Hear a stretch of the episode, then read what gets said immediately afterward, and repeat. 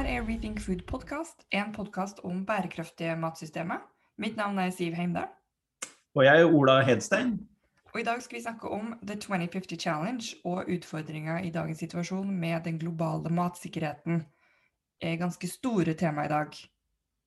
Store, men egentlig det viktigste temaet når du skal begynne å snakke om matsystemer. For det er jo matsikkerhet som er hele poenget. Enig. Så dette er da ikke podkasten for deg hvis du lurte på om du skulle begynne å spise økologiske gulrøtter eller eh, starte sånn parsellhage.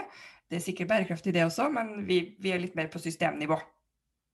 Det er vi. Og heldigvis er det stadig flere som er på det nivået. Og det har jo kommet høyt opp på agendaen egentlig både før og etter den forferdelige krigen. Ja, men det er dessverre det også som står, uh, står, på plakaten vår også i dag. Men vi skal prøve å løfte det i et litt uh, høyere perspektiv. Uh, fordi det som vi er veldig opptatt av, og som på mange måter egentlig ligger bak etableringa av Rethink Food, er jo det som vi kaller The 2050 Challenge. Og en liten sånn hemmelighet det er jo at vi tenkte jo først å kalle faktisk firmaet vårt for The 2050 Challenge. Ja, for det er jo det som er eh, vår motivasjon for å jobbe så mye med mat som vi gjør. da, når Vi har etablert uh, vårt eget selskap for å kunne påvirke kunnskapsnivået om hva vi bør gjøre for å ha et best mulig matsystem. Og det 2050 Challenge det handler jo ganske enkelt om at uh, vi blir flere på planeten, og alle de må ha mat. Klimapanelet og Naturpanelet sier at da må vi ikke eh, bruke mer jordbruksland. Vi må bruke det jordbrukslandet som vi har dyrka opp så bra og effektivt og riktig som overhodet mulig. Og så må vi sørge for å lage mat av eh, gresset. Det er jo nettopp det her 2050 eh, Challenge som jeg føler at uh, mangler litt da, i denne debatten om bærekraftig mat. At man går veldig inn på ulike detaljert inn på ulike driftsmetoder, om det er bra, det er dårlig. Eh, skal vi gjøre det sånn eller slik? Og så glemmer man litt hva det egentlige målet er. Og det egentlige målet er jo at alle sammen skal ha tilgang på nok sunn og trygg mat. Ja, det er det. Og jeg tror det er rett å si at det er en sånn en sideeffekt ved at uh, når, når liksom den kalde krigen var slutt, så, så, ble man veldig bekvem med den store kapasiteten som man hadde til å både øke matproduksjon og fordele den stadig bedre. Eh, og så tok man det mer eller mindre for gitt at det er en sånn naturlov og sannhet at vi klarer alltid å skaffe nok mat. Og spesielt da i Norge, hvor vi har funnet ut at eh, siden vi har all den oljen, så har vi råd til å kjøpe all den maten vi eventuelt ikke klarer å dyrke sjøl. Og det er blitt en hvilepute som er eh, egentlig litt sånn umoralsk. Ja, eh, enig. Det er jo er veldig frustrerende når man skal følge denne debatten. Og i, i alle mulige eh, varianter så føler jeg liksom at det mangler den der at noen liksom står bak med en sånn plakat og sier liksom Men det handler jo om maten! Vi skal jo spise! Liksom, man liksom har liksom glemt det. Ja, det, det, var, det var, en uh, del av kan si, internasjonal matpolitikk for i hvert fall to-ti år siden som sto ganske sterkt. Eh, og som har, eh, har sklidd ut etter hvert som handelsavtalene har blitt utvikla etter det. Men, men, det sto veldig sterkt at eh, ethvert land både har en rett og plikt til å produsere så mye mat som man kan til egen befolkning. Og det er jo akkurat det de nye bærekraftsmålene peker i retning av. At skal vi få summen til å gå opp, så kan vi ikke basere oss på arealer i andre land. Vi må bruke de arealene og de ressursene vi har i hvert land best mulig. Og så må vi sørge for å fordele det overskuddet som, som finnes. Ja, så Kort fortalt, det 2050 Challenge det handler da om å produsere nok mat til alle eh, på det arealet vi har. Eh, men vi må finne noen nye metoder å gjøre det på. Eh, for de metodene vi har brukt, eh, har jo da vist seg å ikke være så bærekraftig. Nei, det er eh, altså den metoden som har eh, vist seg bærekraftig eh, for alle produksjoner, er jo husdyravl, fiskeavl og planteforedling. Det har øka plantenes og dyrenes eh, eh, jeg kan si effektivitet. Noen ganger har det kanskje gått litt langt i effektiviteten i forhold til hva som er bra dyrevelferd, men, men i bunn og grunn det, det har funka, og, og, det må man fortsette med. Men bruken av innsatsfaktorer som medisiner og plantevernmidler av ymse slag har jo ikke alltid vært like klok. Og mye av innsatsfaktorene som spesielt eh, kunstgjødsel er jo basert på fossil energi. Selv om det ikke trengs å være det, så er det det. Så vi trenger liksom ren energi inn i, inn i det kunstgjødselproduksjonen som vi trenger. Og vi trenger mer biologisk eller organisk eller økologisk eh, kunstgjødsel. Mange forskjellige navn på, det, på dette. Så selv om da det er ganske store utfordringer vi står overfor, og så har vi jo på en måte kalt det The 2050 Challenge, men det er jo egentlig noe positivt i det. Eller det er i hvert fall sånn vi ønsker å vinkle det. da. Så vi burde kanskje egentlig kalle det The 2050 Opportunity. At det kanskje har vært Ja, det, den var fin. Den var ikke, vi tror jo at det er løsbart. Ja, altså det er, det er løsbart. og eh, altså naturens evne til å være et eh, verktøy til gode for både mennesker og dyr og planter, er jo formidabelt. Eh, men vi har uh, til nå da, hatt den holdningen at vi, vi, høster fra naturen i hovedsak. Vi bruker ressursene. Det er liksom en Sereptas krukke, nesten utømmelig. Men når vi kommer igjen til en sånn tidsalder hvor alle prikker på hele planeten, om det er havet eller jorda, er berørt av menneskelig aktivitet på en måte, så må vi gå sterkere inn i den forvaltningsoppgaven som vi har da i fellesskap. For, for planeten er i seg selv en begrensa ressurs. Eh, og når vi toucher 10 milliarder, så tyder alle regnestykker på at eh, da går vi på marginalene. Eh, og i hvert fall hvis vi skal ta vare på klimaet sånn som noenlunde er, og det biologiske mangfoldet som noenlunde som det er. Vi tror jo at eh, med en litt annen tankegang og med litt andre økonomiske insentiver, og ikke minst eh, de mulighetene som ligger i forskning og utvikling av ny teknologi, så skal det da være mulig å løse The 2050 Challenge. Det, det skal det være. Og eh, avlingene på, på gress og korn og tomater og sånne ting. Altså det har jo virkelig gått opp. Og det er mange eksempler på at de kan være høye uten en skadelig eh, driftsform, med dårlige sideeffekter. Eh, og det er de vi må plukke ut, og så må vi finne eh, ny teknologi og nye kunnskaper som gjør oss enda flinkere til det. Det er ingenting som tyder på at vi ikke har et stort utnytta potensial i mange sider av de biologiske kretsløpene som uh, egentlig gjør planeten til det den er. Men midt oppi eh, den liksom gode driven som vi følte vi var i, da, med det liksom positive budskapet om at yes, nå skal vi eh, fortsette å øke matproduksjonen, men på, på helt andre måter og helt andre systemer, så var det jo noen borte i Russland der som hadde en litt annen innfallsvinkel på å løse det problemet. Ja, eh, det kan man jo spekulere mye i motivene der, og det skal vi sikkert helst ikke gjøre. Eh, men i hvert fall det som har skjedd, er jo at eh, Putin har sluppet en bombe i kornkammeret. Så rett og slett det som pågår, er jo en, en bombing av en viktig del av det internasjonale matsystemet. For det er Ukraina, Russland, Hviterussland som skaffer mye mat eh, til store deler av verden, og kanskje da eh, spesielt det afrikanske eller arabiske landene som eh, har tradisjon for å bruke mye hvete som kommer fra disse områdene. Og så er de en eksportør av, av noen ingredienser til kunstgjødsel, som er, gjør at det påvirker hele verdens matsystem. For det Utfordringa ligger jo her i at vi skal produsere nok mat. Eh, og det den krigen her gjør, eh, er jo det stikk motsatte. Eh, altså at matsikkerheten øker ikke, den blir jo drastisk redusert. Og det er jo nå da FAO, som er FNs organisasjon for landbruk og mat, har da kommet med noe litt kjipe tall.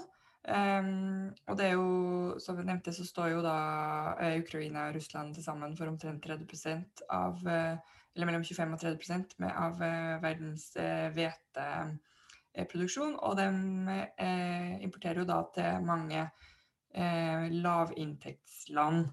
Um, og så spår du da samtidig en prisøkning på opp mot 22% Det er jo ikke akkurat de mest lystige tallene der. Nei, det er en sånn uh, dobbelteffekt som de varsler denne gangen. Og de, og de, sier jo, i hvert fall sånn som jeg leser det, rett og slett at uh, det er ikke spørsmål om vi får en krise, det er bare spørsmål om hvor stor den blir. Og da er det jo greit å minne om at sist vi hadde ordentlige fluktasjoner på hveteprisene, så utløste det den arabiske våren og eh, regimefall da spesielt på, på Nord-Afrika. Kan, man jo si at eh, det var mye bra med å bli kvitt noen diktatorer der. Eh, men det var jo krig og elendighet eh, som det skapte. Og nå er det krig og elendighet som først skaper eh, da svære prisendringer på 20% i et land med lite inntekter til, til, folket. Det er mye når det er ditt daglige brød det går utover. Og I tillegg så har jo den selsomme effekten nå da, at, at, eh, det er litt vanskelig å dyrke hvete når noen driver og kjører bomber over huet på deg. Så det er mye sannsynlig at produksjonen i år blir veldig lav. Og i tillegg så har Eh, har eh, det blitt innført eh, importforbud og eksportforbud på noen av de her ingrediensene til kunstgjødsel. Så, så det, er en, det, er en, veldig spesiell situasjon som vi har hørt om i flere dager, men som jeg ikke tror vi har sett konsekvensene av enda, og ikke har tatt inn over oss konsekvensene av. To, to ting da, videre fra det ene er jo eh, hva det vil si for eh, norsk matsikkerhet. Eh, og der har jo der har vi vært litt kritiske eh, på det arbeidet som er gjort eh, på beredskap på mat. Nå hører vi at de snakker om at vi skal få korn, eh, kornkammer, og det er jo vel og bra. Men, men, vi må kanskje tenke litt lenger enn som så. Ja, det, jeg syns vi skal berømme regjeringen og spesielt da Senterpartiet, som har ivra lenge, også før de satt, kom i regjering, på at vi må få tilbake eh, kornlageret som vi slutta med for eh, snart 20 år siden. Eh, det har de helt rett i. Vi må sørge for at det er en reserve eh, inne. Men vi trenger jo en innsikt i den samla sårbarheten på forsyningen til mat til, til nordmenn. og da dreier det seg fort om andre ting også, og vi må se det i sammenheng med de realitetene som finnes i internasjonal handel eller utveksling med eh, matvarer og ingredienser til, til matproduksjon. Eh, og de, den, den, kunnskapen har vi ikke nasjonalt i tilstrekkelig grad. og vi har en, si, en sånn luksusvanetenkning om at siden vi er så forbaska rike, eh, så kan jo vi alltid eh, supplere med noe som handler internasjonalt. Men det er jo en beredskapsplan som sier at eh, dersom det kniper på f.eks. en mathveten, så kan vi være med å skru opp prisene til disse fattige landene istedenfor å produsere maksimalt selv. Og det er utidig måte å tenke ansvar på. Ja, litt sånn Når man begynner å tenke etter, så, så får jeg en sånn klump i magen av det. At liksom, har, det har det bare vært noe vi har trukket på skuldrene til? Det var veldig lite solidarisk. Vi som har sånn, uh, prøver å bygge opp sånn image, at vi skal være en sånn fredsbyggernasjon og, og være så raus, så, så, skal vi liksom bare sitte og være sånn kjip her oppe og bare hamstre til oss all maten sjøl. Ja, det, det, er en ganske kjip uh, måte, men altså, det koker ned til det ganske enkle at uh, flere regjeringer og med vekslende farge har uh, tenkt hvordan skal vi redusere kostnadene til vår egen matproduksjon og matsystem. Og så har man da endt opp med å si at det er jo fred og stabilitet i verden og relativt forutsigbart, så vi trenger ikke Eh, trenger ikke noe spesiell ekstratiltak. Og det finnes jo analyser eh, som er gitt ut de siste 15 årene som sier at sannsynligheten for det som vi har sett av de siste tre åra, altså pandemier, slike store ting som har rokka matsystemet ganske betydelig i andre deler av verden enn i Norge, eh, og krig i nærliggende områder, var jo helt utenkelig. Det tenkte jo de fleste av oss antagelig enda i januar. Men det er bare sånn at det utenkelige faktisk også skjer. Og da må du ta høyde for det, og da må du grave litt dypere ned i materien eh, og tenke ut hvordan du da har den beste beredskapen. Eh, og det har vi ikke gjort. Jeg tenker jo spesielt viktig for oss eh, som importerer 60% av all maten vår nå. Så vi er jo ganske sårbare, og som flere også har påpekt, så var det Det sto jo én båt på tvers i Suez i noen dager, og det, det har jo enda konsekvenser. Det er jo enda noen som ikke har fått lampa de bestilte, eller hva det nå var. Fordi Pga. Liksom den ene, ene gigabåten. Så det er jo Systemene er nok litt mer sårbare enn det vi liker å tro. De, de, er det, og vi importerer mye og vi eksporterer mye. Eh, for vi har jo denne fisken. Eh, og det gjør oss jo avhengig av handelssystemene og avhengig av den sårbarheten som, som ligger i det. Uh, og En liten aha-opplevelse for min egen del var for en uh, fire-fem år siden. Da var det Chatham House, uh, en forskningsinstitusjon i England, som gjorde en vurdering av handelssystemene for alle varegrupper. Og som peka på at vi har, vi har sånn flaskehalser eller sånn kapasitetsbegrensninger på de store havnene internasjonalt. Og De reiste jo et uh, kraftig varsel om det, beskrev veldig mye av den situasjonen som vi er nå dessverre havna i. Uh, og Det var en sånn typisk rapport da, som nesten ikke får nevneverdig oppmerksomhet. Uh, men noen av de som oppdaga den og kommenterte den, det var jo Forsvarets forskningsinstitutt, som i da 2015 var det vel, 2015-2016 kom med en rapport hvor de, de også varsla at eh, her må vi tenke annerledes rundt eh, matberedskap eh, i Norge. Det, det, er, omtrent 10% av alt som produseres så, som, av mat som handles mellom land. Men de siste 20-30 åra, jeg husker ikke eksakt tidsperioden, så har volumet av den eksporten eller den handelen med mat over eller mellom kontinenter og land, den har økt med 900 Eh, og så har vi handla mer klær, og så har vi handla mer elektronikk og handla mye annet. Og så har vi fått inn netthandel. Så, så det presset som er på eh, den fysiske, fysiske delen av handelssystemet, ja, har økt formidabelt. Ja, for da er det jo eh, flere da, som tenker at OK, nå, nå ble det jo da krise, da må vi også bidra. Og det syns jeg vi skal bidra til uansett, da, for vi står jo som sagt overfor The 2050 Challenge. Eh, og så eh, sier de da at da må bøndene produsere mer mathvete, og så sier bøndene ja, kanskje. Vil du ja. prøve liksom forklare den situasjonen der, til folk som ikke eh, sitter og nileser hver centimeter av nasjonen? Ja, det kan jo gjøre et forsøk. Altså, mange kan jo vel tenke med, med, en gang at det hørtes da veldig rart ut. Her er det jo et markedsmulighet eh, til å produsere mer, så da må de jo bare ut med plogen og få frøa ned i jorda.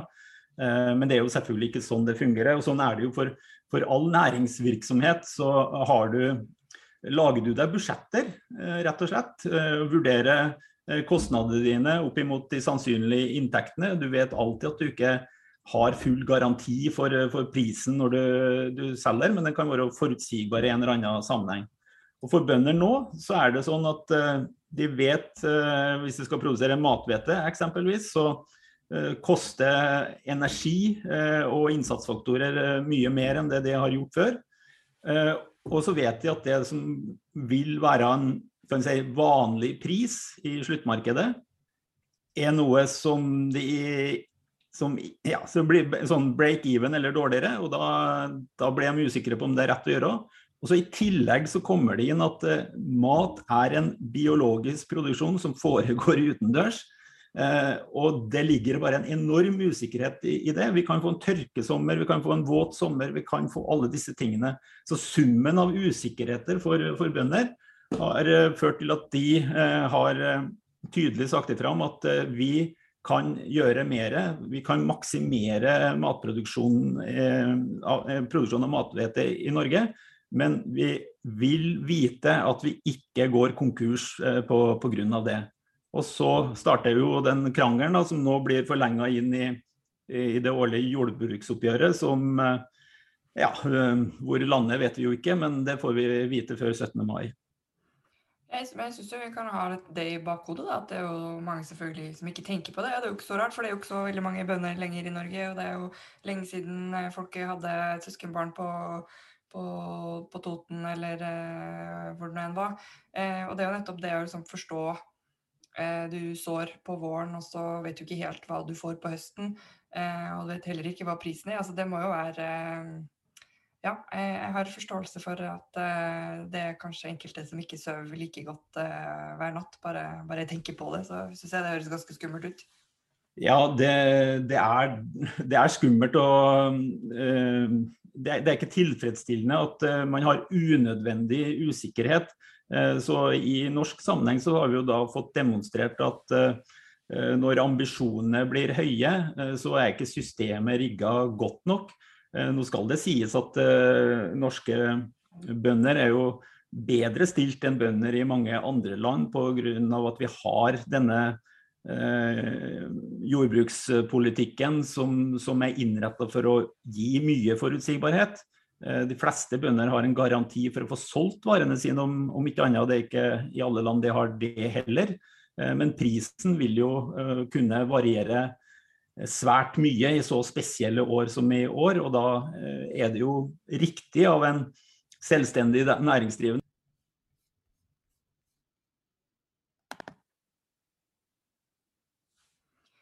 Jeg tror kanskje vi har litt godt av å sette oss inn i bondens situasjon da, når vi ser eh, den type medieoppslag, og liksom å forstå, forstå den enorme usikkerheten det er faktisk å produsere mat. At uh, du sår noen ting om høsten, og så vet du ikke helt hva som skjer imellom der, og så skal du uh, Nei, nå tuller jeg fælt. tar vi det en gang til. Sår om våren. Hæ? Man sår om våren, ikke om høsten. Oi, sa du det? Det hørte jeg ikke. Ja, det er et poeng. det går an å om høsten òg, da, eh, hvis du har høsthvete. Ja, det gjør jo det, da. Det blir veldig komplisert.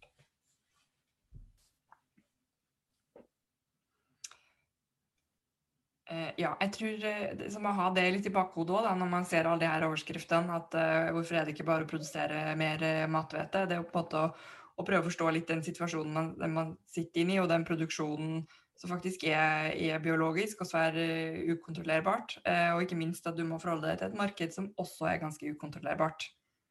Ja, det Altså Bønder er jo selvstendige næringsdrivende, og de skal jo ta et ansvar for sin økonomi uavhengig av hvor mye støtte man måtte mene de har, så skal det være en, en, realistisk inngang på det du har av kostnader og det du kan få av inntekter. Eh, sånn er det for, eh, for alle selvstendig næringsdrivende. Og, og, bønder gjør de vurderingene, og når de blir usikre, så, så kommer de i det dilemmaet som jeg tror vi risikerer å se mye av i år, eh, innenfor korn, eh, altså mathveteproduksjon Eh, og innenfor eh, grønnsaker, som eh, fikk ordentlig juling i forrige sesong av litt andre grunner, så, så tenker nok noen at dette året ble litt vanskelig.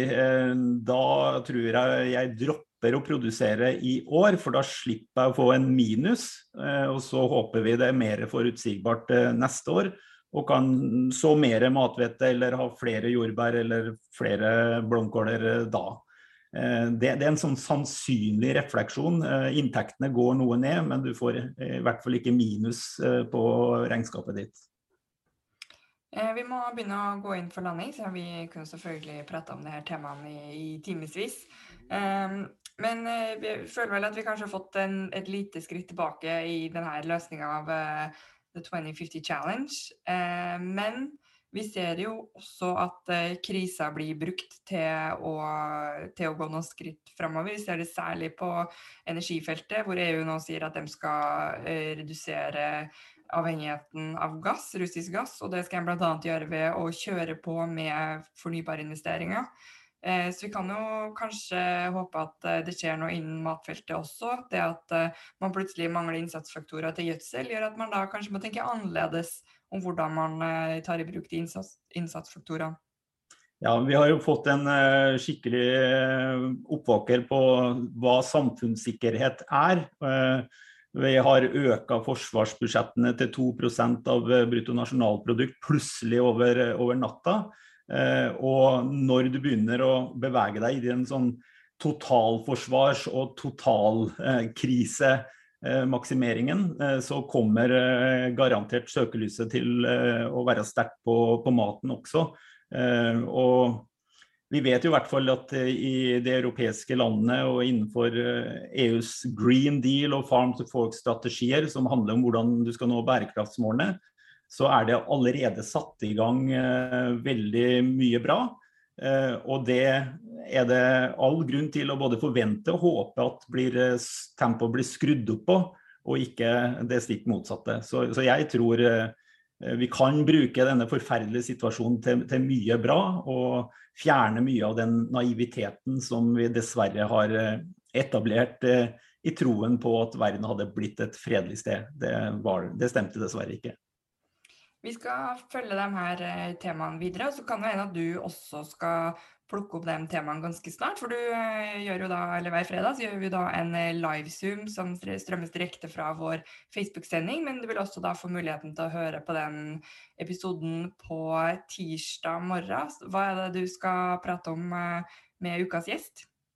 Ja, men Vi skal jo snakke om det norske matsystemet med en sentral politiker i næringskomiteen på Stortinget, en del av opposisjon, som nå, når de har havna i opposisjon og ikke har ansvaret, så har de jo da både behov for og rikelig muligheter med å tenke gjennom en gang til. Hadde vi nå den riktige matpolitikken for de neste åra?